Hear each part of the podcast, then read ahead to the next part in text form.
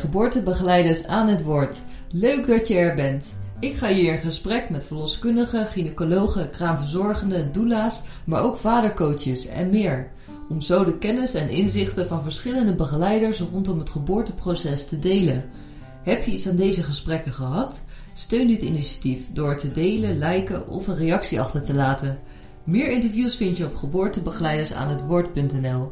Ik ben Sabine van Onselen, jouw host tijdens de interviews.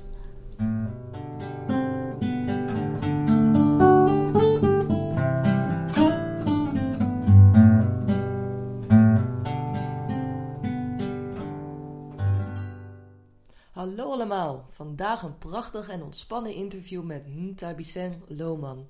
Zij is een kraamverzorgende en kindercoach en heeft haar eigen praktijk Kraamzorg Nieuwe Tijd in Hoofddorp. Ntabiseng is geboren in Lesotho, Zuidelijk Afrika, en toen zij één dag oud was, geadopteerd door een Nederlands expatgezin. Zij heeft in haar jeugd in vele landen gewoond met haar ouders en broertje. Op een latere leeftijd, toen zij 37 jaar was, heeft zij gekozen voor de kraamzorg, wat zij met veel passie en liefde doet. In het interview komt van alles aan bod, met als hoofdthema's haar ervaringen in een weeshuis in Zuidelijk Afrika, wat zij allemaal tegenkomt in de eerste kraamweek, de groeipijnen en het wennen in de nieuwe fase van ouderschap, en hoe vult Nta Biseng haar rol in als natuurlijk kraamverzorgende. Ik vond het een heel mooi en rustgevend interview, waarin je haar grote compassie voor het leven proeft.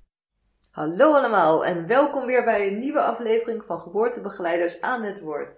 Ik zit vandaag met Ntabi Seng Lohman op de bank in Hoofddorp. Welkom op de podcast. Dankjewel. Spreek ik je naam goed uit? Ja, helemaal. Oké, dat is ja, fijn. Ja, Ja. leuk. Nou, ik eh, ben eh, heel erg blij om je te mogen spreken. We hebben elkaar net hiervoor al even uitgebreid eh, gesproken, dus we hebben al een beeld. Maar voor de luisteraar zou je wat willen vertellen over je achtergrond? Ja, ik, ik ben geboren in Lesotho. Klein landje binnen de landsgrenzen van Zuid-Afrika. Eh, daar ben ik eh, vandaan geadopteerd. Dat wil zeggen, mijn adoptieouders woonden daar. En toen ben ik op hun pad gekomen. En met hen heb ik, eh, ik heb nog een jongere broer, een biologisch eigen kind van, mijn, van mijn adoptieouders. En samen hebben wij eigenlijk een, ja, een expat verleden gehad. Dus we hebben veel in, in verschillende landen gewoond. Veel van de wereld mogen zien. Ehm, ja, toen ben ik op mijn achttiende eh in, Nederland, eh, in Nederland gekomen, in Utrecht neergestreken. Daar ben ik gaan studeren.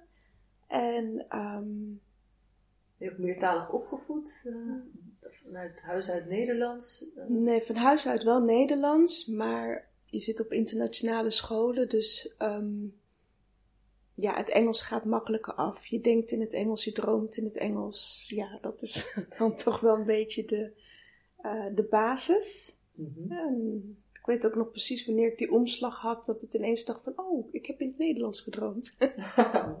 ja. Dus toen, eh, dus sindsdien, ehm, ja, is Nederlands ook gewoon, ja, kan ik gewoon goed spreken. Ehm, ja, toen ben ik in Utrecht terechtgekomen. Maar het bloed kruipt eigenlijk altijd waar het niet gaan kan of waar het wel gaan kan. Dus ik vond eigenlijk altijd wel weer een manier om weer even te kunnen reizen of stage te kunnen lopen in het buitenland en eh, weer iets van de wereld te zien. Het heeft altijd mijn interesse gehad. Mhm. Omdat ehm, ik vind het heel leuk om mensen te ontmoeten. Ik vind het heel leuk om mensen te ontmoeten, want mensen gaan dan vertellen over hunzelf en over hun manier van leven en hun manier van doen. En ik vond dat eigenlijk altijd wel heel leerzaam. Ik vond dat wel heel, heel leuk. Dus ik, ik heb niet. En misschien ook wel door mijn opvoeding heb ik niet geleerd om te kijken van. Dit is de manier waarop je moet leven of kan leven. Ik heb altijd wel een beetje gezien. En ja, zo zitten mijn ouders ook echt in elkaar. Van ehm, ja, iedereen doet het op zijn manier. Mhm. En dat is gewoon goed. En eh, of je nou in hele grote huizen opgroeit, zoals ik zelf ben in een heel groot huis opgegroeid.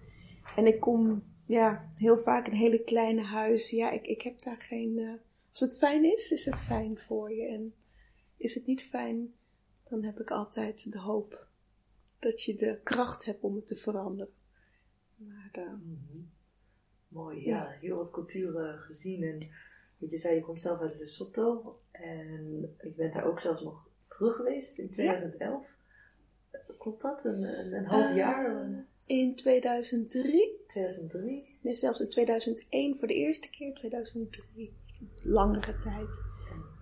Ja, en ook ja, een half jaar in een weeshuis gewerkt. eh, Ja. Zelf. Hoe, was dat, die ervaring? Of die ervaring om daar weer terug te zijn?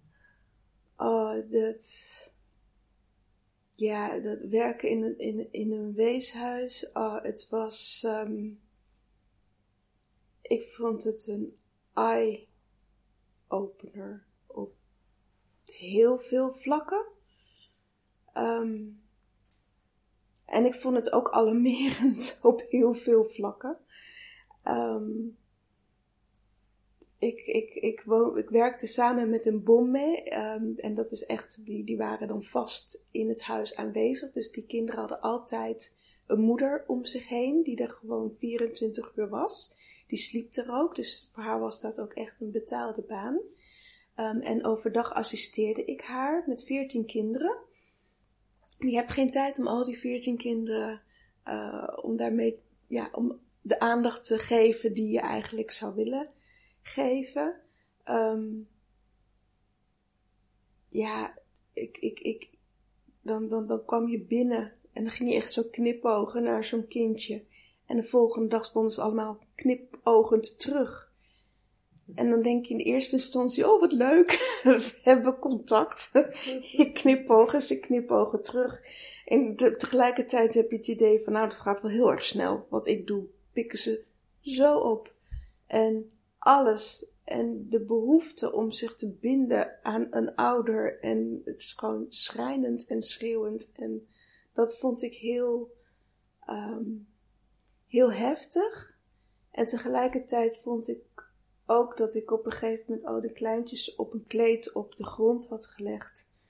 En ik ging gewoon zitten. En eigenlijk ehm, ook een beetje omdat ik in eerste instantie best wel moe was. Maar tegelijkertijd, die kinderen gaan hun gang. Je hoeft daar eigenlijk helemaal niet heel veel in te stoppen, anders te behoeden van dingen die echt fout kunnen gaan of pijn te doen. En dat vond ik weer heel bijzonder, omdat een aantal echt motorisch achterliepen in hun ontwikkeling. Ehm, en aan het einde van de periode toch eh, begonnen te kruipen. En dan ook echt van je wegkropen.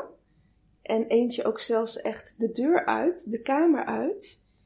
En nog even omdraaide, een soort van zwaaide. En ik dacht, oh, daar gaat ze. En toen had ik echt zoiets van, ja, die gaat, die gaat, die gaat op ontdekkingstocht. En dan kwam ze toch weer even terug. En dan zo'n grote lach op haar gezicht van, oh ja, je zit er nog. En toen was het weer even weg. En daarna kwam ze heel hard naar je toe. En dan kwam ze weer bij je zitten. En toen dacht ik van, maar dit is zo'n basis wat zoveel kinderen missen. Dat je de wereld veilig kunt gaan ontdekken. En dat je ook altijd weer veilig terug kunt komen. Naar een basis die voor jou goed voelt. Dat ik ook wel ehm, bezorgd was over ehm, hoe lang soms zo'n procedure duurt. Ja, daar was ik wel echt bezorgd over. Want sommige kinderen hadden al ouders dat ik dacht van, ja, maar moeten we niet ontzettend snel die ouders gaan zoeken en vragen wat er voor nodig is, zodat zij weer voor hun kind kunnen gaan zoeken. Ehm, nou, dat, dat is dan allemaal best wel moeilijk, moeilijk, moeilijk. Terwijl ik zoiets had van, ja, maar we moeten ergens beginnen. En, ehm, Dus niet alle kinderen waren wees. Nee, nee, nee, niet alle kinderen waren wees. Door omstandigheden brachten ze hun kind wel eens. eh, ehm, nou, het zijn hele schrijnende verhalen van een aantal kinderen die achtergelaten zijn in het ziekenhuis. Want het ziekenhuis zorgt medisch voor wat je nodig hebt, maar niet voor de zorg eromheen. Ehm, dat is niet een vanzelfsprekendheid. Medisch prima, maar eh, verschonen, eten geven, knuffel geven, luisteren, eh, Dat soort dingen is niet altijd paraat. En ouders, als ze een baan hebben, dan hebben ze een inkomen, kunnen ze voor hun gezin zorgen. En op het moment dat je een ziek kind hebt, betekent het eigenlijk dat je je baan niet meer goed kan doen. Maar er is ehm, ja, in die situaties geen baas geweest die ja, daar begrip voor heeft gehad. En dan laat zijn kinderen dus wel eens achter. En dan, ja, dan, dan weet zo'n ziekenhuis uh, dit weeshuis te vinden en dan worden ze daar naartoe gebracht. En um, ja, dan gaan ze, de maatschappelijk werken gaat dan wel echt eerst op zoek naar die ouders en dat valt dan niet altijd mee.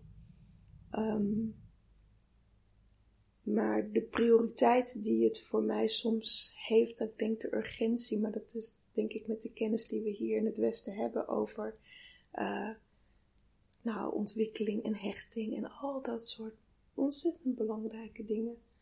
Mm um, ja, voelt het ook niks anders dan urgent en zou je het gewoon wel van de daken willen schreeuwen van Dear God, alsjeblieft. Ja, ja je hebt ook een studie, eh, je bent kindercoach of kindertherapeut. Dus dat, Kinder, kindercoach. Coach, ja. ja. Dus, dus, in dat, dat stuk heb je ook veel meer kennis, achtergrond dan misschien de meeste mensen. Dus dat, daar kijk je ook nog eens met die manier ernaar, lijkt mij. Van dat. Um, ja. Ja, ik, ik, ik denk, ja, ik denk dat op de een of andere manier, hoe meer je leest, het begint vrij onschuldig vanuit een nieuwsgierigheid, die dan niet meer zo te stoppen is. En dan ga je steeds meer lezen en dan doe je een opleiding en tegelijkertijd maakt dat ook dat je steeds meer zorgen hebt. dus dan begin je ineens overal een soort van urgentie te voelen. Um, veel meer te zien. En veel meer te zien. Maar ik denk ook gewoon omdat het, als je, nou ja, als je in een weeshuis hebt gewerkt, ze zijn zo klein en zo onschuldig en zo net in het leven. En ja, ja dan, dan zo kwetsbaar. En dan denk ik van, och, had je maar iemand om je aan vast te klampen of zo. Dat, dat gun je. Zo'n kindje. En dat kan dan niet. Of dat kan dan wel omdat de ouders zijn, of als ze al gematcht zijn voor adoptie, mhm. dan zou ik het ook wel heel tof vinden als die uh, adoptieouders dan ook meteen dezelfde week, of misschien wel dezelfde dag, maar dat is dan niet heel tijd reëel, um, daar zijn en niet nog een jaar moeten wachten omdat er een papierwerk mhm. gedaan moet worden. Ja. Ja, ja, jij bent een half jaar geweest, dus dat is een, een, lange periode voor een vrijwilliger. En de meeste vrijwilligers blijven vaak ook wat korter. En dan zie je soms ook wel van, uh, ja, ik vertelde net ook een half jaar in een weeshuis gewerkt. In Ghana was dat. En, daar kwamen ook wel eens andere vrijwilligers, maar die kwamen maar een paar weken. En dan zag je die kinderen helemaal hechten aan, aan, aan haar of hem. En dan gingen ze weer weg. En dat was eigenlijk soms ook wel heel pijnlijk, zeg maar. Het is heel mooi, maar aan de andere kant ja. ook wel weer heel pijnlijk dat iemand weer weggaat. En dat, dat is soms staan we daar ook niet zo bij stil, zeg maar. Van de ene, keer, de ene kant wil je wat goeds doen, en aan de andere kant dan ja, kan je het ook niet. niet uh, ja, van, vraag je ook af van draag ik nou echt bij? Ja, ik draag wel bij een bepaalde manier, maar aan de andere kant is het ook weer een, uh, ja. ja. een verdrietig uh, afscheid wat uh, plaatsvindt. Dan. Ja. Ik denk dat dat voor, voor jou, denk ik, hoe was het voor jou om dan weer afscheid te nemen? Oh, ik vond het heel moeilijk. Ja. Ja. Ja, want het worden toch. Ja, er zaten uh, in dat weeshuis ook een paar kindjes tot. Het is eigenlijk een weeshuis voor kindjes tot en met vijf jaar. En er zaten er ook een paar van zes en zeven. Ja, ik kon alleen maar bedenken van dat je die instopt s'avonds in een eigen bedje. Waar ze hun eigen spulletjes hebben. En dat ze ochtends vroeg weer naar beneden komen lopen, waar ontbijt aan tafel staat en ja, waar ze de. En vooral die gedachten, denk ik, dat maakt het pijnlijk. Want het zijn. Jij weet dat het anders kan. Voor die kinderen is dat nog niet zo heel duidelijk. Mhm. Ehm, maar je hebt heel veel manieren gezien. En dan hoeft het nog niet eens deze manier te zijn, maar ook al heb je een rondafel En daar zit een moeder en die geeft jou eten en het is warm en je kunt daar terecht. Gewoon die basis. Mhm. En die is gewoon. Weeshuis is ook een hele goede basis voor als er niks is. Zeker. Maar. Ja, een beetje idealistisch. Je Ja. gunt het zo, denk ik, gewoon eh, elk kind een, ja, een mooie start in het leven. Ja. Ja. Ja, je bent nu, heb je je eigen praktijk, je bent kraamverzorgende, of kraamverzorgster. eh. Hoe, waarom ben je een kraamverzorgster geworden? Ehm, nou, dat is helemaal niet eens een bewuste keuze geweest, eigenlijk. Dat is een, ehm, ja, ik weet niet, ik was dus net terug, eh, toen, in ieder geval voor langere tijd, ehm, eh, was ik terug in Nederland en ik wist eigenlijk niet zo goed wat ik nou eigenlijk precies graag wilde. En ik wist al helemaal niet hoe ik het vorm moest geven. En al helemaal niet waar ik het moest zoeken.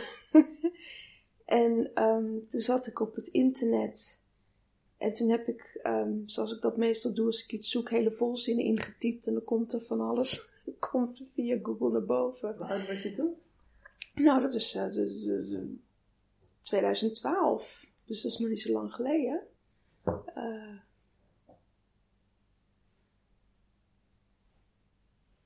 37? Ja. 37? Oh, dan zie je er eh, veel jonger uit dan ik je had ingeschat. Ja, ja. Of, eh, ik had je ouder, of zeg jonger ingeschat en je bent... eh, ik ben, ja. ja. Ja, ik ben echt in de 40, ja. Ja. Mhm. En, eh, of 43 trouwens, om precies te zijn, ja. En eh, toen, want ik was het ook eigenlijk allemaal wel een beetje beu. Daarom ben ik toen ook weggegaan, omdat ik ehm, de verbinding zocht die ik gewoon niet kon vinden.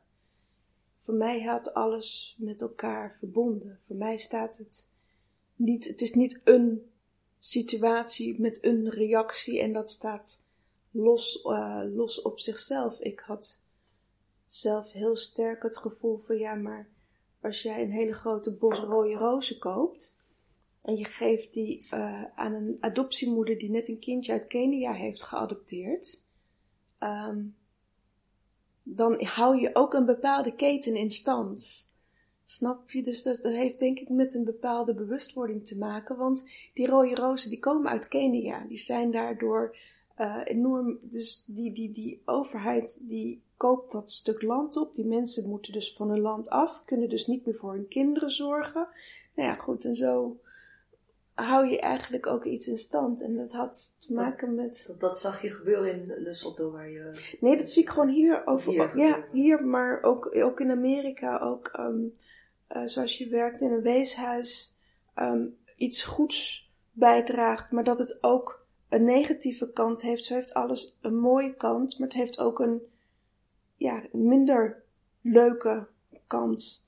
En ehm, ja, ik denk dat het gewoon met mijn eigen bewustwordingsproces te maken. Of als ik werd me bewust van het feit dat ik eigenlijk van kinds af aan best wel bewust was, maar niet wist dat ik het was. En ehm, daar, daar, daar draaide ik mee rond, daar liep ik mee in de knoop. Ehm, ik zei dingen die voor mij heel normaal waren, maar die voor mijn omgeving best wel een impact hadden, want die hadden zoiets van, je zag een soort van kortsluiting ontstaan, zo van, en ik had zoiets van, ja, maar dat weten we toch wel met z'n allen. Nee, voor heel veel mensen is dat absoluut niet zo. Noem een voorbeeld. Ehm,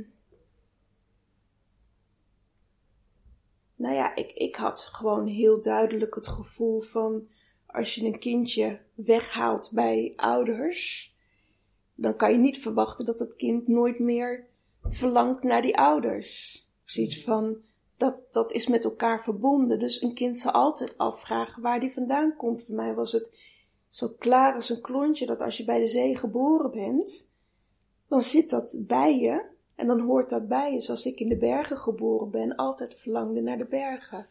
Ehm, voor mij was dat eigenlijk allemaal heel ja, natuurlijk, heel logisch, heel, ehm, heel vanzelfsprekend. Ehm, ja, ook van, van een kind laten huilen. Nee, je moet wel kijken waarom een kind huilt. Ik zeg niet dat het niet goed is dat een kind af en toe moet huilen.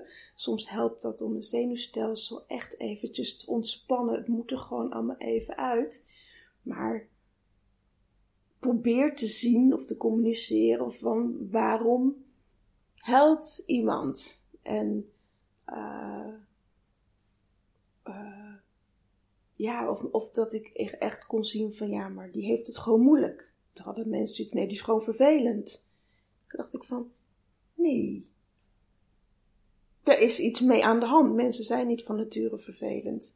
Het is heel vermoeiend om vervelend te zijn. Dat, uh, dat is niet een, dat is een vorm van onmacht, eigenlijk, waarop je op een, ja, soms onplezierige manier vraagt om. En dat zijn allemaal van die dingen die ik, als kind was ik dus ook niet makkelijk. Ik was geen makkelijk kind. Want ik was ook niet een kind van autoriteit. Dus ja, toen ben ik echt weggegaan. En um, uh, omdat ik eigenlijk zoiets had van ja, maar ik, uit mijzelf wil ik wel meedoen. En ik ben wie ik ben. En jij bent wie jij bent. En samen kunnen we er iets moois van maken. Maar het is heel vaak dat het op één manier moet. En toen had ik dus in het weeshuis gewerkt. En toen kwam ik dus op Google kraamverzorger tegen. En toen dacht ik van nou, nu, uh, dit ga ik doen. Wat sprak je aan? Um, zelfstandig gaan werken. Groeien in uh, de, de dingen die ik al aan het doen was, aan het lezen was. Mensen ontmoeten, niet meer hoeven reizen, maar toch nog steeds naar mensen toe mogen en mensen leren kennen en ook het stukje dienstbaarheid, mensen van dienst zijn. En daarnaast vind ik, uh, uh, ja, het, het, het hele proces van, van, ja, zorgen dat, ik denk dat het heeft een beetje, alles wat ik daarvoor had gedaan, kwam een beetje voor mij samen in, in het kraamzorg zijn. Je bent secretaresse, want je noteert dingen, je assisteert, je bent ook een persoonlijke assistent, je bent een organisator, je zorgt uh, dat het huishouden draait. Eigenlijk dat een moeder even rustig achterover kan zitten van. En één op één is voor mij beter dan in een groep. Ik ben niet goed in groepen, dus dit was ook heel klein in een huis, overzichtelijk, behapbaar. Um, als een kraam klaar is, is het klaar. Dus ook de afwisseling mm um, sprak me erin aan. Ja. En wat, ben je zo allemaal tegengekomen? Ook uh, ja, problemen of angsten kom je veel tegen in, in de eerste kraamweek bij ouders? Oh. Ja, je komt zoveel tegen. Kan het hele mooie dingen zijn hoor. Allebei, ja. wat je zei, het heeft altijd twee kanten. Het heeft twee kanten, ja. Angsten, onzekerheden, maar ook enorme blijdschap.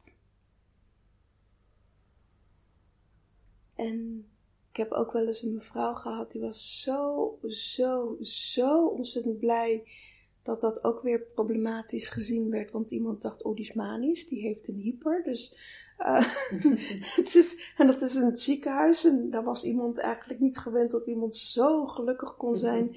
Um, uh, ik heb ook wel eens iemand gehad die echt als een bang vogeltje op een stoel zat toen ik binnenkwam. Eigenlijk gewoon geen kracht had in de handen om haar kindje vast te houden. Um, op papier was het een fantastische bevalling.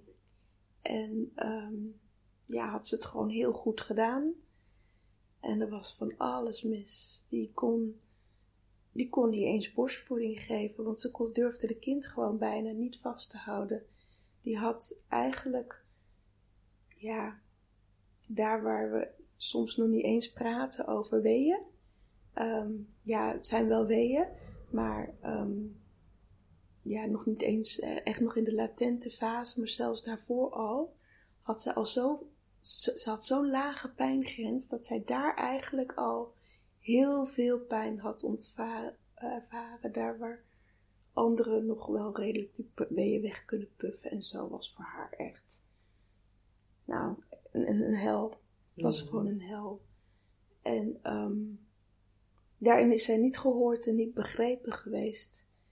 Dus toen ze uiteindelijk die pijnstillingswens, die ze dus heel graag had gehad willen hebben, um, uh, gehoord werd, want dan werd gezegd van nou, dan gaan we nog even een bad en dan ontspan je en als je dan uit bad komt hè, en dan is het dan nog nodig of wat dan ook, dan kunnen we die, uh, dan kunnen we alsnog pijnstilling geven. Dus daar had ze zich eigenlijk helemaal aan vastgeklampt van oké, het is bijna klaar, goed, ik ga in bad en... Mhm. Maar toen na het bad was haar lichaam zo ontspannen geweest dat ze eigenlijk volledige ontsluiting had dan kan je dus geen pijnstilling meer doen. En het was eigenlijk klaar om gewoon, uh, die persweeën dienden zich aan. Het was, uh, ze, kon, ze mocht gaan persen. En um, dat alles bij elkaar was voor haar echt traumatisch. Dus het was eigenlijk een prachtige bevalling. Het lichaam heeft het volledig gedaan, maar haar hoofd was niet aanwezig. Waar, waarom komt dat, denk je? Is dat achterhalen? Is dat een. Ja. Het was. Ik vond het echt heel, heel verdrietig om te zien. Um, ja, waar komt dat door? Daar heb je geen tijd voor, want je komt eigenlijk binnen op het moment dat. En ik was toen ook echt nog in dienst. En, um, en hoe, hoe pak jij dat op? Dat kunnen we misschien beter vragen inderdaad. Hoe ga je er dan vervolgens? Nou, ik, ik ben toen wel met haar gaan praten. Om te vragen van, um, nou ja, je vraagt van hoe gaat de bevalling? Hoe is het geweest? Hoe heb je het ervaren? Nou, het kwam al bijna niet uit de woorden. En verdriet en tranen. En um, ja, ze had echt zo, ze had zoiets van, ja, maar als de meeste vrouwen dit kunnen. En ik kan dat niet. Hoe kan ik dan in hemelsnaam voor mijn kind zorgen? Ik kan helemaal niet voor mijn kind zorgen. Want als dit bij de meeste vrouwen niet pijn doet of het is draagbaar en bij mij niet. Dus ze had zo'n enorme twijfel over zichzelf. En um, toen heb ik gevraagd wat ze nodig had. En toen hebben we eigenlijk ook direct, ze wilde gewoon heel graag haar eigen gezin om de heen, de eigen moeder, de eigen vader. En uh, die woonde best wel op een afstand. Maar we hebben toch gebeld of die alsjeblieft in de auto wilde stappen. En of die alsjeblieft hier naartoe wilde komen. Toen heb ik boven nog een, een logeerkamer in orde gemaakt, zodat ze konden blijven. En ja, toen zijn die ouders gekomen. Dat, toen heb ik ook de deur dicht gedaan. Toen dacht ik van die moeten, ja, die moeten samen zijn. En dat, uh, dus toen heb ik eigenlijk met die vader uh, hebben even voor de baby gezorgd. En uh, ja. Mooi, ja. Ja, want de podcast gaat voornamelijk over bevalling en zwangerschap en dergelijke. En, maar de, de kraamverzorgsters, die, die ja, mijn optiek hebben een enorm, enorm belangrijke rol. Want dat is precies de week na de bevalling, zeg maar. En het is eigenlijk iets wat niet altijd heel zichtbaar is voor ook veel vakdisciplines, voor, voor mensen of wat dan ook. Dus je ziet... Mm eigenlijk de, de, of de ontzettend mooie gevolgen van de, van de bevalling of die periode, hè, de, de, geboorte op zich. Maar soms ook ja, niet die roze wolken. En, en um, ja, dus inderdaad, van wat, wat kom je zo ook ja, wat, wat tegen? Inderdaad, je hebt een aantal uh, angsten en onzekerheden wat je zegt. En um, ja, zijn er bepaalde aannames dat mensen hebben over die eerste week die, die niet zeg maar juist zijn of niet kloppen?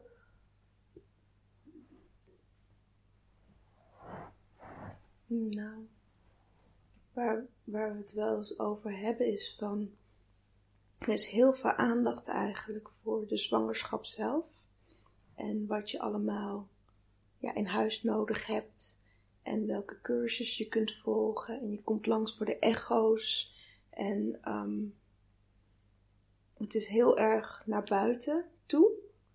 En de kraamweek, daar hebben we het dan niet over. En daarna loopt iedereen er prachtig bij. Of in een draag, met een kindje in de draagzak. Of achter een prachtig kinderwagen. En um, dat is een beetje het beeld dat mensen hebben.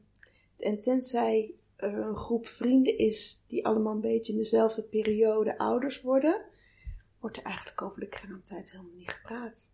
Er wordt, um, wat ik vaak teruggekoppeld krijg van ouders, vooral van moeders ook, is van, oh ja, dan vertel ik dat ik een prematuur kindje heb gebaard. Oh ja, ons kind heeft ook in de couveuse gelegen. En dan durven mensen ineens wat meer opener te zijn. Dus als ze zelf met hun ervaring komen, dan zien ze dat er in hun directe omgeving eigenlijk wel soortgelijke ervaringen zijn. Maar de kraamtijd zelf, er zijn ja, weinig mensen die dat echt met elkaar delen. En sommigen valt het ook wel echt gewoon tegen. Ja, mhm. die zijn dan, uh, dan, dan ben je zwanger. Nou, ook niet voor iedereen vanzelfsprekend, dus misschien is daar wel een heel traject geweest. Um, dan ben je, uh, dan heb je negen maanden gedragen. Dan heb je de bevalling. Het is niet zo dat je daarna lekker in bed ligt en bijkomt en uh, zo nu gaan we even allemaal bijslapen. Nee, dan begint het nog. Dan is er nog een kindje dat gewoon uh, gevoed moet worden en verschoond en verzorgd en jezelf. En ja, daar denk, um, ja, kunnen, kunnen we, wij als kraamverzorgende een, uh, een mooie rol in vertolken, ja. Mhm. En hoe ziet jouw rol eruit? Um,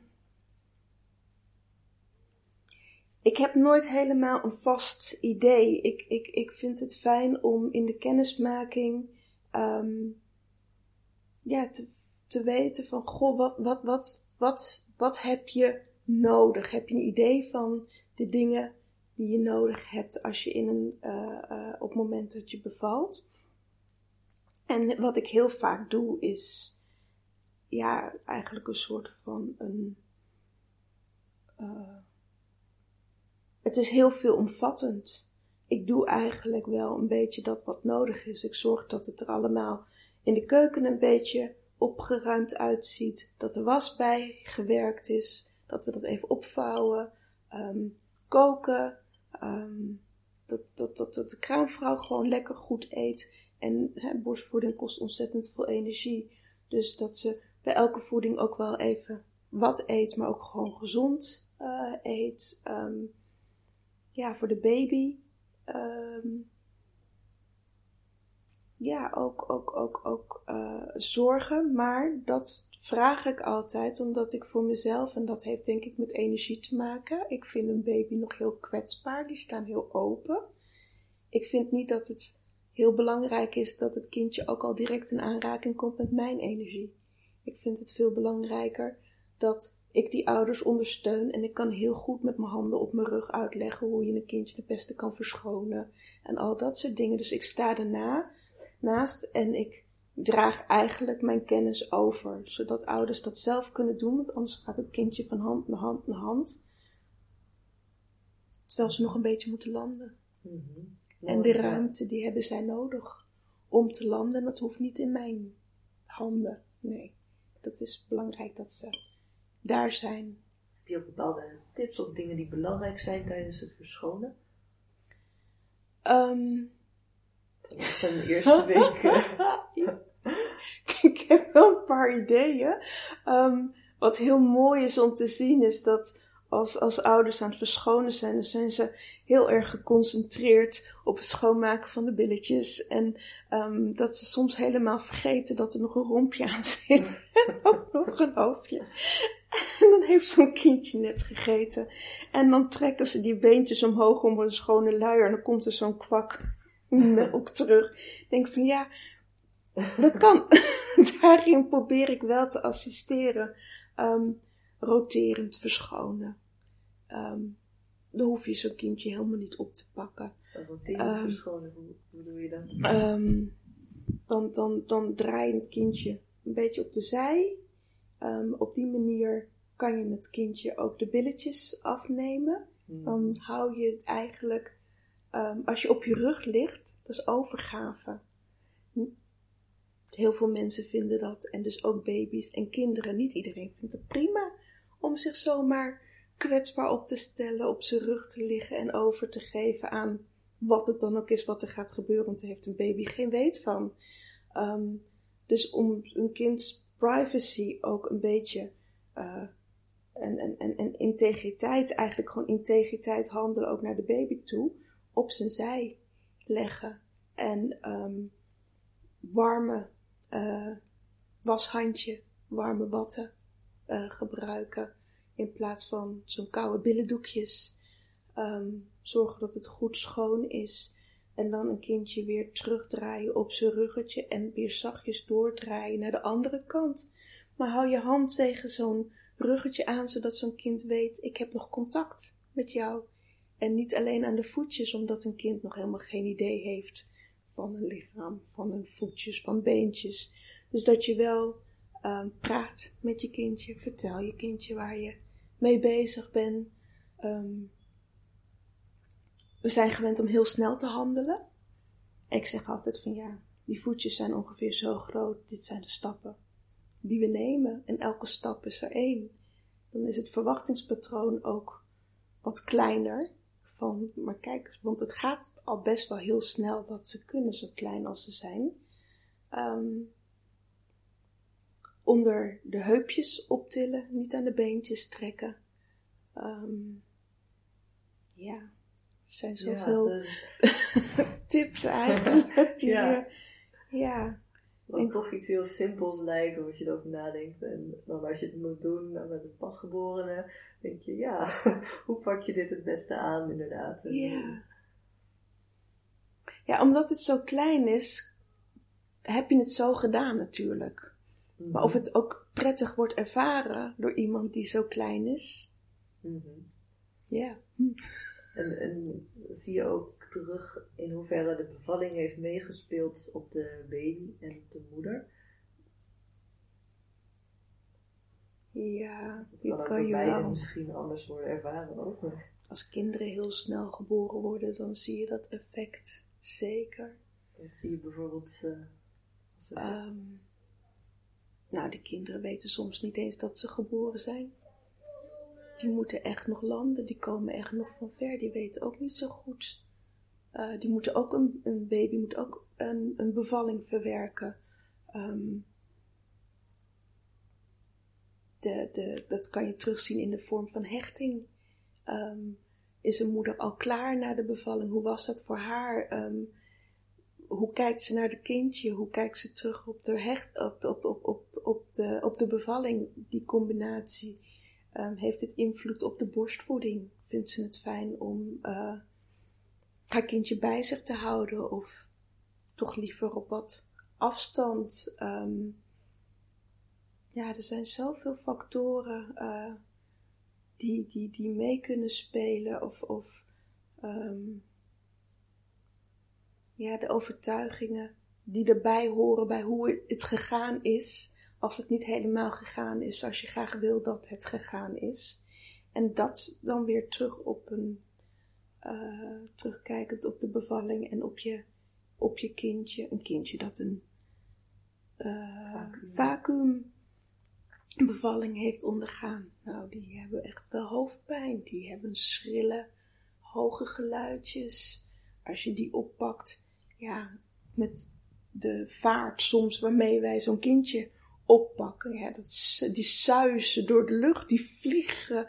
eh, nou, dan, dan, dan hoor je ook een heel hoog piep toontje. Dat klinkt van, oeh, zachtjes, voorzichtig, beetje bij beetje. Ehm, en dan vooral ook veilig tegen je, tegen je aan. Ehm, huid op huid contact. Dan, huid op huid, ja, maar ook de manier van dragen. Dat iemand zich echt geborgen voelt als je, als je iemand draagt. Dat je niet voor je afhoudt, maar lekker tegen je eigen lichaam aan de begrenzing. Ehm, ja, kindjes die niet willen drinken of nog heel lang slapen. Of ja, die heel langzaam hun oogjes open doen, heel veel last hebben van licht nog, die nog helemaal niet klaar zijn om contact te maken, ehm, die nog heel veel echt terug moeten in dat kokonnetje. Dat, ja, dat, die helemaal nog niet, um, je hebt ook echt kinderen die, die gewoon niet slapen s'nachts, omdat het gewoon onveilig is. Dat hoort ook een beetje mee van, ja, ik ben eens in de wereld gelanceerd. En nu, um, ja. Mm Dus dat is ook wat je veel bespreekt ook met moeders? Of, dat is best wel veelomvattend lijkt mij om daarmee om te gaan. Of weet je altijd wel wat je daarmee kan doen? Of hoe is jouw aanpak op dat gebied? Ach, um,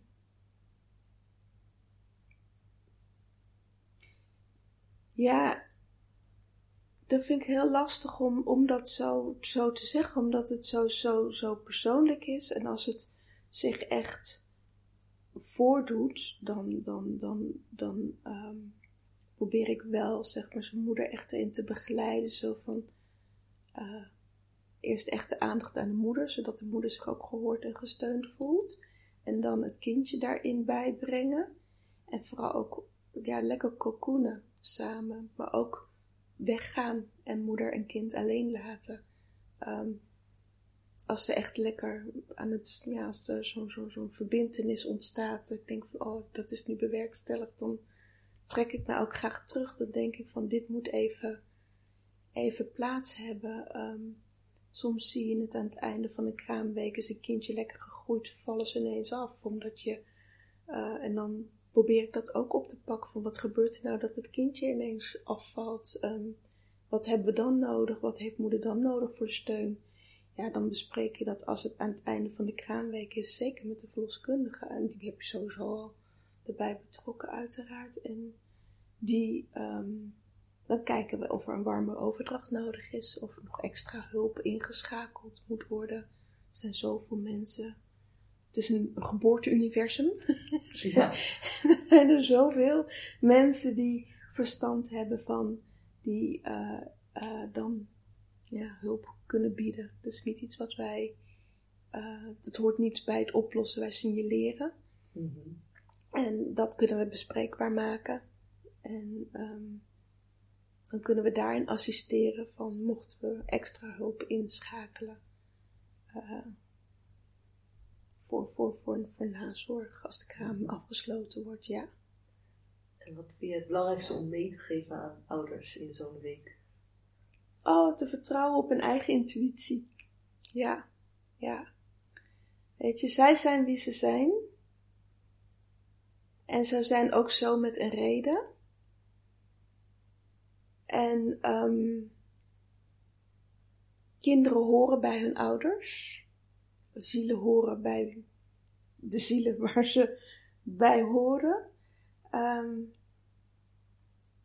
dat ze er met elkaar op mogen vertrouwen. Um, ook al is het vreemd of wat dan ook, maar dat het gewoon wel echt soms zo is. En dat, dat, dat vragen, we, vragen we ook wel vaak van, ja, is dit bekend? Herken je dit gedrag? Heb je dit of zus of zo? Mensen weten eigenlijk altijd wel hoe ze, in, ja, hoe ze in elkaar zitten, min of mhm. meer. En dan denk ik van ja, jouw kindje gaat hier in dit gezin opgroeien. Um, zo mogen jullie dat gaan doen, denk ik. Is er een bepaald gedrag wat je erg zou willen stimuleren of een, uh, ja, wat, wat zeg maar belangrijk is, wat je zou willen meegeven aan ouders? En wat zijn ook weer de valkuilen, wat je zegt van dat kan je beter niet doen of laten, of wat je ziet gebeuren bijvoorbeeld bij gezinnen? Oh, dat vind ik een hele moeilijke, want... Um, Alles is op maat. Uh. Ja, ja, ja, weet je. En je hebt een adviserende functie en een ondersteunende functie. En om dan te gaan vertellen van zo moet het, dat vind ik nogal wat. Um, wat je zei van te vertrouwen op je intuïtie, dat is iets wat Ja, je dat vind ik wel fijn om mee te geven, omdat... Um, ja, de, de, dat je de ruimte probeert te nemen met de vragen waar jij mee zit in jouw proces als ouder wordende, want je groeit in een proces. Ben, ja, denk ik, ja, althans dat gevoel heb ik. je, je wordt ook geboren. Je wordt niet alleen een kindje geboren, ook jij wordt geboren als vader, je wordt geboren als moeder, je wordt ineens een grote zus of een grote broer. Um, groeien kan pijn doen. Groeien kan onzekerheden met zich meebrengen. Um, daar is ruimte voor nodig om dat, uh, om dat, ja, om die ruimte te geven om die groei ook te kunnen maken. Mhm. En als je niet uh, durft te vragen van dingen die je eigenlijk wel graag zou willen weten, um, of waarvan mensen zeggen, nou, valt wel mee, ik zie niks. Nee hoor, het gaat, heel, gaat helemaal goed of wat dan ook. En dat blijkt dan voor jouw gevoel toch niet zo te zijn. Of er nou wel iets aan de hand is of niet iets aan de hand is. Ik denk dat het heel belangrijk is dat je als ouder met die steun, dat advies krijgt wat je nodig hebt, zodat jij weer naar huis kan met een gerust gevoel. Want voor hetzelfde geld heb je het wel goed. Then what do you do? En ik denk dat, um,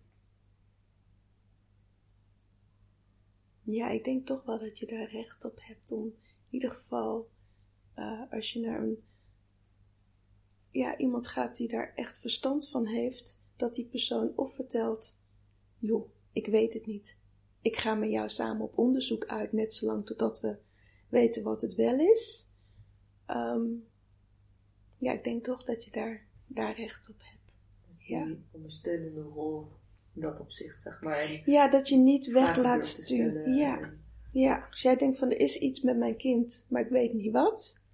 Mhm. Ehm, en een arts denkt, nou, of iemand denkt, hm, maakt niet uit, of ik zie niks, of ik heb het even onderzocht. Maar je blijft ergens mee zitten dat diegene wel de moeite neemt om samen met jou te kijken van wat is het dan dat. En, um, en dan hoop ik ook dat de juiste vragen gesteld gaan worden. Um, ja, en dat, dat heeft er misschien ook wel een beetje mee te maken met, um, ook met, met cultuurverschillen. Um, met zo doen we het zo en zo doen we het zus. En mag dit ook? Is het ook oké als we het zo en zo doen? Of kunnen we dat beter anders aanpakken zodat het goed voelt voor ons allemaal? Um, ja, de vrijheid om dat soort kwetsbare vragen te stellen om het allerkwetsbaarste ja. ja, in je leven. Ja, ja. mooi, mooi gezegd. Ja, het is eigenlijk ook een moment dat zowel de moeder als het kind het meest kwetsbare is, zeg maar. Dat is een enorme ervaring net achter de rug. Of het nou positief of negatief is. Het is een ervaring die diep gaat. Ja. En dan inderdaad te zoeken en te kijken naar nieuwe wegenpaden. Hoe pak je het aan? En, ja. en, en daarin eh, en is er een, uh, een kraamweek geweest die je erg goed is bijgebleven. Wat vond je daar zo bijzonder aan? Ja, ik heb één kraamweek gehad. Dat was oh, heerlijk op mijn fiets. um, Lekker dichtbij bedoel je? Ja, dat was heerlijk dichtbij. En toen woonde ik nog in Utrecht. En toen ging ik echt op mijn fiets naar dat gezin. En nou, het was alsof ik in een flow zat. Het ging vanzelf. Die week is voorbij gevlogen. Er zat ja, de ruimte in voor het gezin, er zat de ruimte in voor de zorg, er zat de ruimte in voor het huishouden, voor alles eromheen. Het was gewoon dat je dacht van ja, maar nu ben ik echt, echt kraamverzorgende. Dit is zoals ik hoop dat ik het altijd zo zal mogen doen. Dat was echt, ja, dat kaartje hangt ook heel erg hoog boven aan mijn muur. Dus, maar je bedoelt, je zat in een flow, uh, is dat een soort van... ja, je komt binnen en um, gewoon rustig, want ik kom niet binnen, maar gewoon rustig. En dan, ja, je had zoiets van, je gaat dan naar het gezin toe en je informeert, ga je naar beneden, maakte ontbijt. ja, je deed controles. Ehm, het gaat in een heerlijke, ja, als een vanzelfsprekendheid. Je doet de was, je hangt het op, je vouwt het op zijn plek. En ook daar was ook overal ruimte en tijd voor. Dat is niet altijd. Soms heb je het van, oh jeetje, nu dit, oh, dan komt dat er even tussendoor. Oh, hoe gaan we dit oplossen? Soms is er heel veel lucht, zeg maar. En hoe kunnen we dat weer heel erg aards maken? Um, dan zit iedereen in zijn hoofd en welke beentjes moet ik allemaal even masseren? even allemaal contact te maken met, met, met de aarde in het huis. Ja, is dat um, je methode?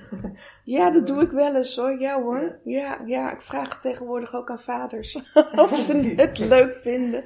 Of ik hun voet even wil masseren.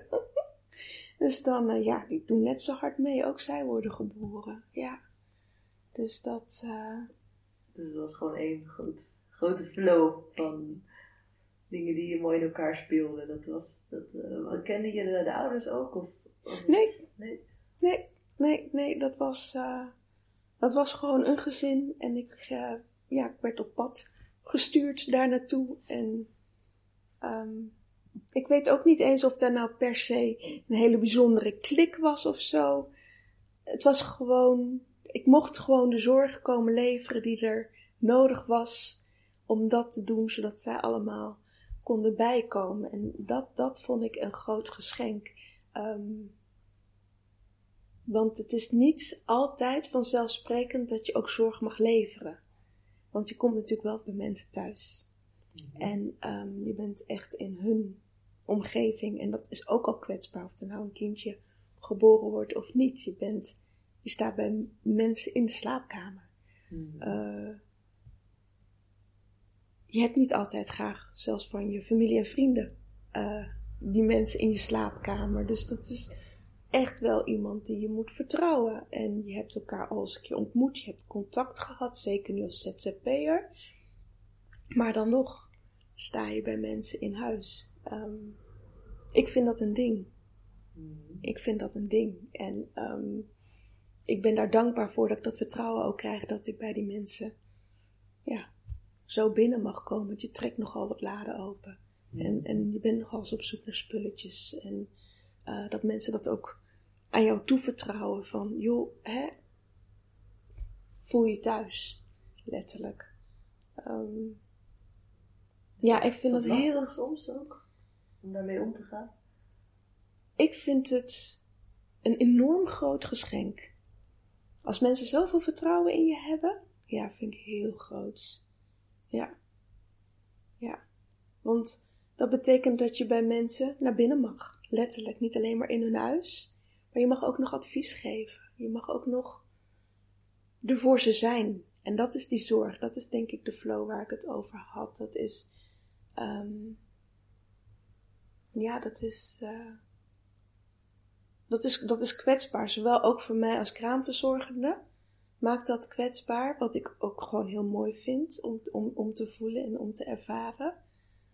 Want je krijgt daardoor ook een band op dat moment. En dan kom je soms echt ook tot zulke mooie gesprekken. Die zo vertrouwenswaardig zijn. Dat je wel eens denkt van, och, wat meer compassie in de wereld en wat meer empathie. It couldn't hurt. It couldn't hurt. Ja, some kindness. En dat is ook gewoon de geboorte van een gezin. De geboorte van een, ja. Er mhm. komt weer een nieuwe stoel extra aan tafel. Er komt weer een bordje bij aan tafel. Ja. Mooi, ja las in een eh, interview van jou ook dat je soms ook al een relatietherapeut bent uh, voor een gezin. of is dat? of uh, nou, therapeut I don't know where that Dat is een groot woord, maar dat, dat je soms, laat ik het zo zeggen, was ook wel eens ja, daar, daarin ondersteunt. Misschien is dat beter gezegd op die manier. Ja, je krijgt soms zulke persoonlijke verhalen te horen. Maar ik waak ervoor om therapeut te zijn, want um, uh, wat, wat, wat soms wel duidelijk is als, als, als kraamverzorgen is van hoe de rollen verdeeld zijn in een huishouden. En um, waar, uh,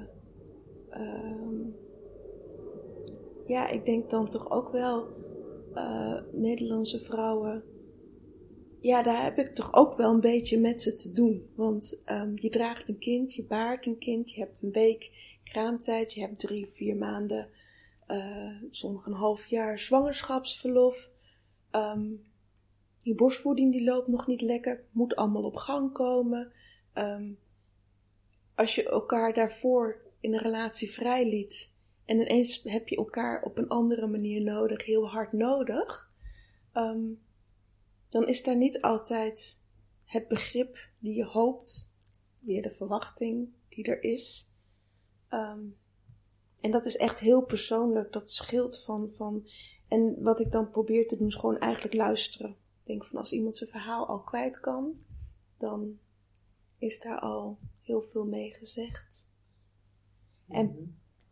Maar ja, dat is echt, echt puur, puur persoonlijk, denk ik. Van, um, je wordt als moeder geboren, maar je wordt ook als vader geboren. En de prioriteiten liggen soms op een ander vlak. Maar wel heeft het te maken met het gezin. Een man wil zorgen dat hij goed geld verdient, zodat zijn gezin er warm bij zit, altijd een goed eten, uh, aan niks ontbreekt. Dus als ze ineens weg zijn om heel hard te werken, of ze willen nog even gauw een huis verbouwen of wat dan ook, dan is dat soms heel moeilijk voor een vrouw om te denken van ja, maar ik wil nu eigenlijk gewoon even kokonnen met elkaar en, en ook die behoefte. En denk van oh ja, van wat, wat, wat hebben we allemaal nodig en wat kunnen we allemaal. Uh, ja, wat je ook wel veel ziet tegenwoordig, wat een vrouw is die de kostwinner is. En dan komt zij weer in een andere rol. Ja. In plaats van de ja. Zie je dat ook wel eens gebeuren? Ja, ja, en daar ligt een enorme druk op om zo snel mogelijk eigenlijk weer die, uh, oude, rol. die oude rol te gaan vervullen. Met um, soms niet genoeg tijd voor herstel. En daar waar het een keizersnede aangaat, gun je zo'n moeder ook even dat ze eigenlijk alles mag loslaten. In vertrouwen, maar als dat je rol is, dan is dat natuurlijk ook weer een proces waar je in terecht komt. Uh, van, oh ja, eerst had ik één kind, nu heb ik twee kinderen, nu heb ik drie kinderen, vier kinderen. Maar ik ben nog steeds kostwinnaar. Hoe ga ik dat nu doen? Dus daar kunnen ze echt over liggen malen. Um, masseren. Ja, gewoon echt terug het lijf in masseren. Uit het hoofd, in de body. Dat helpt. Uh, voor, Bij, voor vrouwen die het fijn vinden om gemasseerd te worden, want dat is ook persoonlijk, niet iedereen vindt dat aangenaam. Um, maar als het mag, dan doe ik het graag. Ja. Mooi, dus niet altijd de woorden of de gesprekken. Eh, nee, voelen. Het is een buik. Het is allemaal lichamelijk processen. ja, ja. Mooi, en dat, dat is denk ik ook, uh, we hadden ook aan de telefoon eerder gesproken over de kracht van de. Dus dat dat een soort, ja, ander soort wijsheid met zich meeneemt dan een, uh, als je heel veel gestudeerd hebt. Nou, je hebt, hebt ook toevallig allebei gedaan, maar uh, dat, dat je dat soms niet altijd kan vatten in, in, in woorden, zeg maar, wat je kan meebrengen. Dus Het moeilijke van woorden, en dat vind ik ook spannend aan zo'n interview, is... Um, interpreteert de ander het goed wat ik zeg. Want iedereen heeft zo'n persoonlijk referentiekader met taal, met woorden, hoe het gezegd wordt, uh, wanneer het gezegd wordt. Komt het binnen op het moment dat je honger hebt of dat je net misschien ellende hebt gehoord en voelen, aanraken, masseren, heeft geen taal. En is eigenlijk heel onpartijdig, of hoe zeg je dat? Heel neutraal. Neutraal. Ja, laat de persoon in zijn waarde met hetgene waar hij of zij op dat moment mee bezig is. Mag er zijn, maar ik probeer je in wat er op dat moment is te ontspannen. Is, is dat iets, iets specifieks van jou of doen heel veel kraamverzorgers dat, een stuk van masseren? Nee, ik weet wel dat er meer kraamverzorgenden zijn die dat doen. Ik weet wel dat het niet gegeven wordt op de opleiding. Nee. Nee, het zit niet bij als je, als je naar de kraamzorg uh, zit dat er niet bij. Nee. Maar er zijn er absoluut die het doen. Ja. Ja. Ja, absoluut. Ja, jij hebt ook de natuurlijke kraamzorg als extra eh, opleiding gedaan, hè? Ja. naast de gewone kraamzorg. Die, die dat daar. Toch, ik zie, ik zie hier Ja, ja, ja, klopt. eerst de gewone kraamzorg en daarna de natuurlijke kraamzorg. En die, die, is dat, komt dat dan meer van de, vanuit daar vandaan, dat stuk masseren? Of is, Ja, ja. Het moederen komt wel bij de natuurlijke kraamzorg vandaan. Ja. Het, eh, het echt, het, ehm, het willen zorg dragen. En in de hoop dat je ook mag zorg dragen voor een heel gezin. En daar hoort eigenlijk gewoon het koken bij.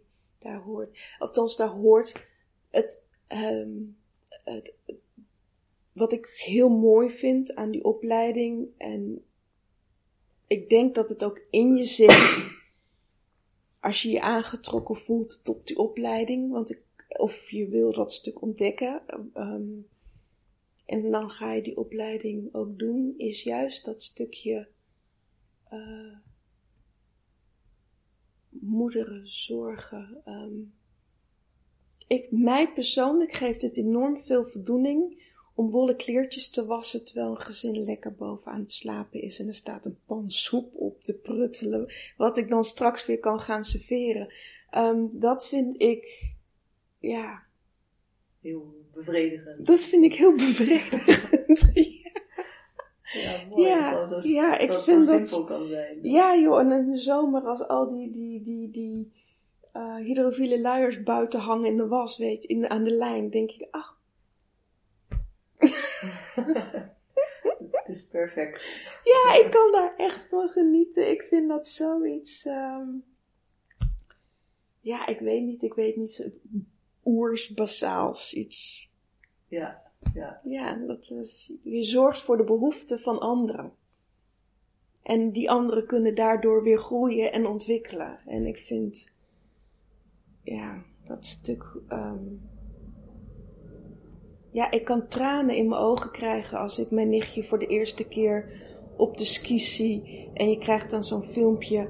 En dat gaat als een natuurtalentje van vijf op die skietjes. En ze schuift een beetje heen en weer. En dan zet ze die, die skietjes dwars en ze soeft zo naar beneden. Dan denk ik. En dan ook gewoon met zo'n neutraal gezichtje. Zo van ja, dit ben ik nu aan het doen, weet je wel. En daarna ook zo'n grijns op dat. Nou, daar word ik gewoon gelukkig van. En dat, ja, dat is denk ik ook. Of Echt die kleine dingen. Die, ja, dat vind ik zo. Dat gaat zo. Dat je die voorwaarden kunt scheppen voor anderen om te ontwikkelen op een manier dat ze dat nodig hebben. Dat, dat vind ik echt een voorrecht. En wat je zei al eerder, de ruimte daarin. Dat dat, de ruimte te creëren daarvoor. Ja, ja, en als je dan ook echt, daarom is het ook zo'n voorrecht als je echt, echt iemands vertrouwen krijgt om voor iemand te mogen zorgen. Dat iemand jou zo dichtbij laat op zo'n moment. Nou, dat, dat, dat, dat, ja, dat is.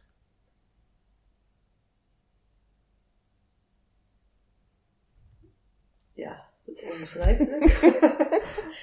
Ja, ik vind dat, eh, ik vind dat Ja. heel mooi. En dat doe je niet alleen Ja. voor baby's, maar dat doe je ook voor, voor de ouders. En voor andere eventuele kinderen aanwezig in een gezin. Ja, Die Dat, overgave daarin. eh. ja, maar ook voor mijn eigen familie. dus ook, ook, ook, ik bedoel, ook, ik zou dat ook altijd doen voor mijn ouders. Ja, Mooi. dus, ja. eh, dus noods bouwen en eh, Een aanwoning, aan bijwoning. maakt me niet uit. Maar die mensen die, eh, ze hebben voor mij gezorgd, ik zorg voor hen. Dat, dat is Is, is, the is circle of life. dat, ja, is, is dat iets ook van, van je biologische ouders, die cultuur, dat stukje? Of, wat je al zei, van sommige dingen krijg je gewoon mee. Net zoals jij in de bergen bent geboren, dat je houdt gewoon van de bergen, zeg maar. Dat kan je niet eruit halen.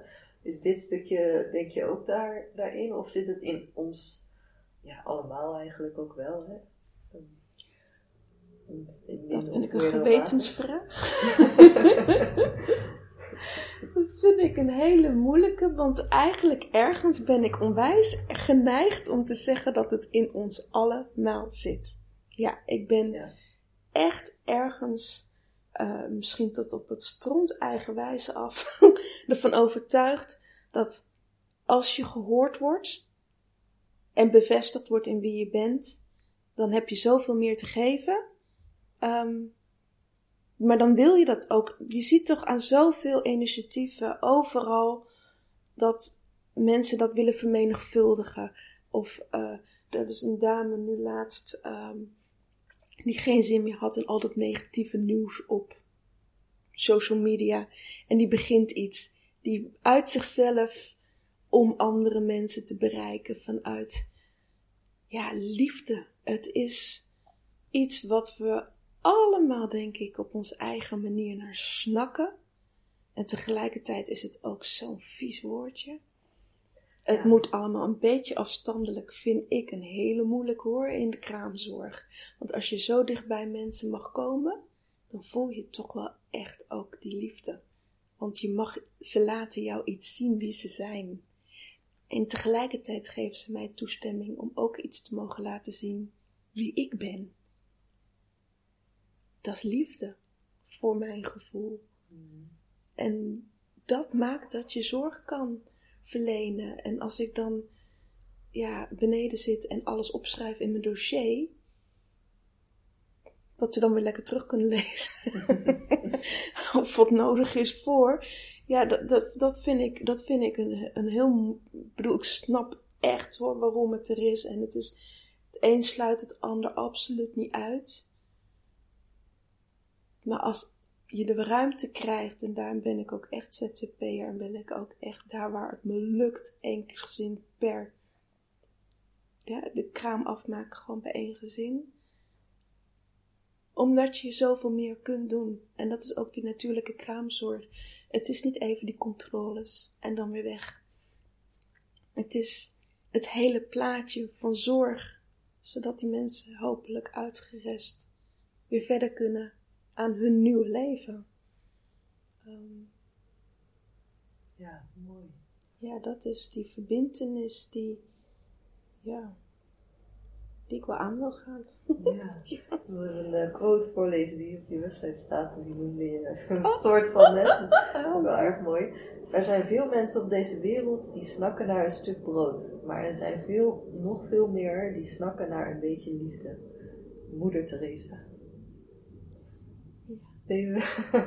Die dat op je homepage. Uh, ja. Vult aan ja. wat je net, net dat zo.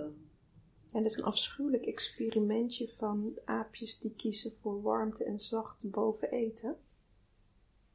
En uh, dat wordt heel erg veel in de psychiatrie ook wel gebruikt om te illustreren hoe ongelooflijk belangrijk liefde is.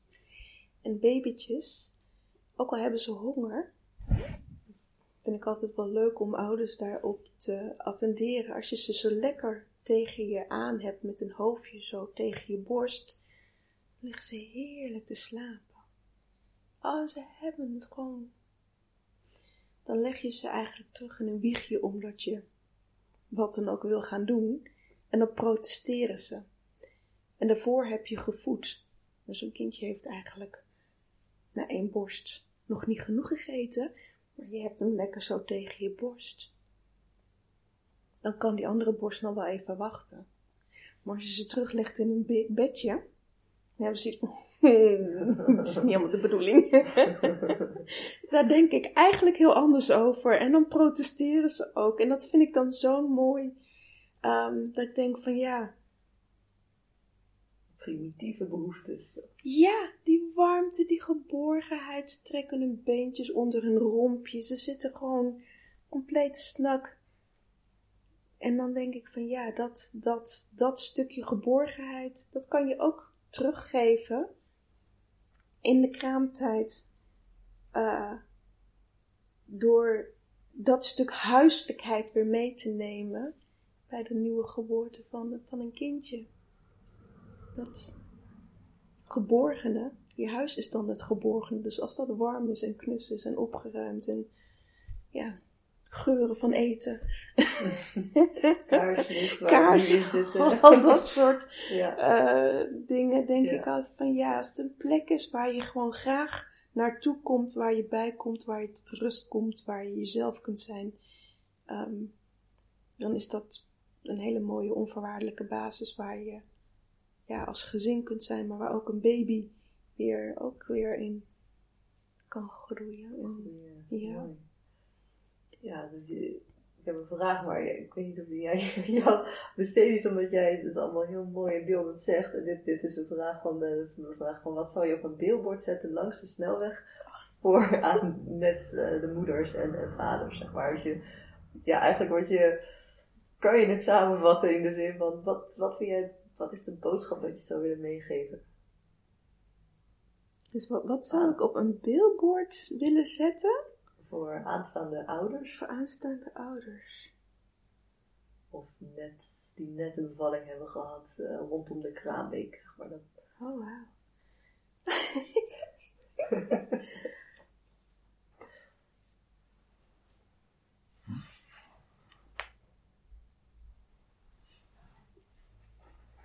ja.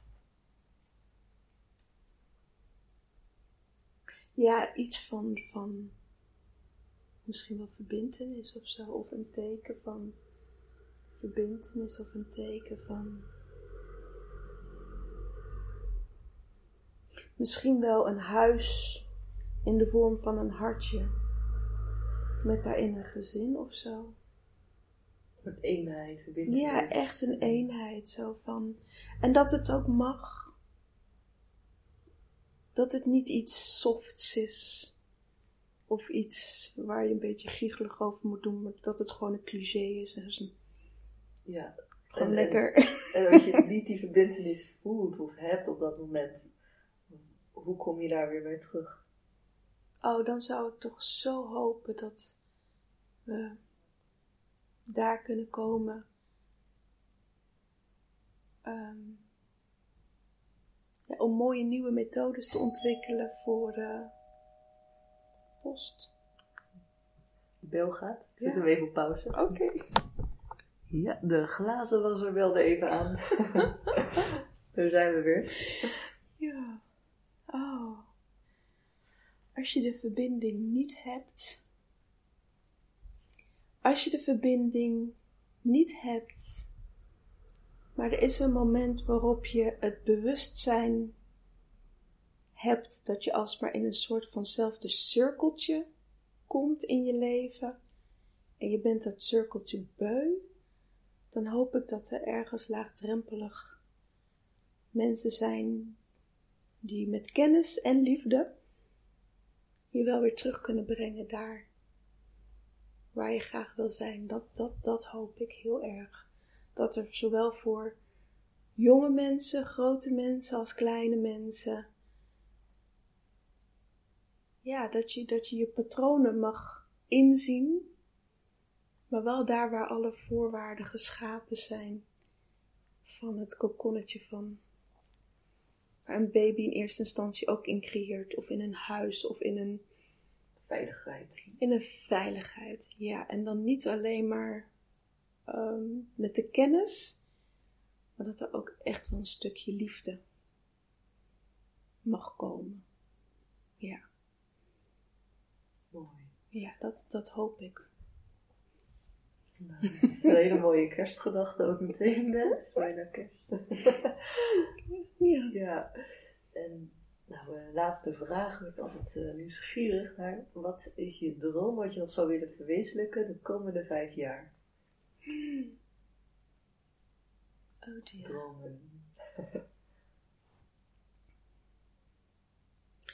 Ik zal je zeggen, die heb ik niet. nee. Niet iedereen heeft het hoor. Dat is de... Nee, ik heb geen. Ik heb altijd heel veel moeite gehad met een vraag van waar sta je nu en waar wil je over vijf jaar zijn. Ehm, als je mij vroeger had gevraagd dat ik nu ben wie ik ben en dat ik doe wat ik doe, not in a million years had ik dit kunnen bedenken. Niet wie ik nu ben, niet dat ik dit hele persoonlijke ontwikkelingsproject heb door kunnen staan. Niet dat ik nu dit werk mag doen. dat ik nu met jou hier op de bank zit en dit interview doe. Denk van, waar komt dit vandaan? Hoe kom je dat ik hier nu zo zit? En ehm, ik laat het op me afkomen. Ja. Ik laat het gewoon gebeuren, wat het ook is wat er dan moet gebeuren. Ja. Maar een Zweeds huis vind je wel heel mooi. Oh, dat zou ik fantastisch vinden. Dat zou ik wel buitengewoon fantastisch vinden. Als ik ooit op een dag nog in het Zweeds huis mag wonen, ja. Ja. Oké. Dankjewel, Tabi. Dat was een uh, ontzettend mooi interview. Ah, dankjewel Sabine. Fantastisch, dankjewel. Heel, heel, ja, ik voel me bevoorrecht dat jij, uh, dat ik dit mag doen. Ja, echt. En ik voel me heel erg blij om uh, jou te mogen interviewen met jouw inzichten en, en, liefde. Dat uh, komt er zeker, zeker naar voren. Dank je.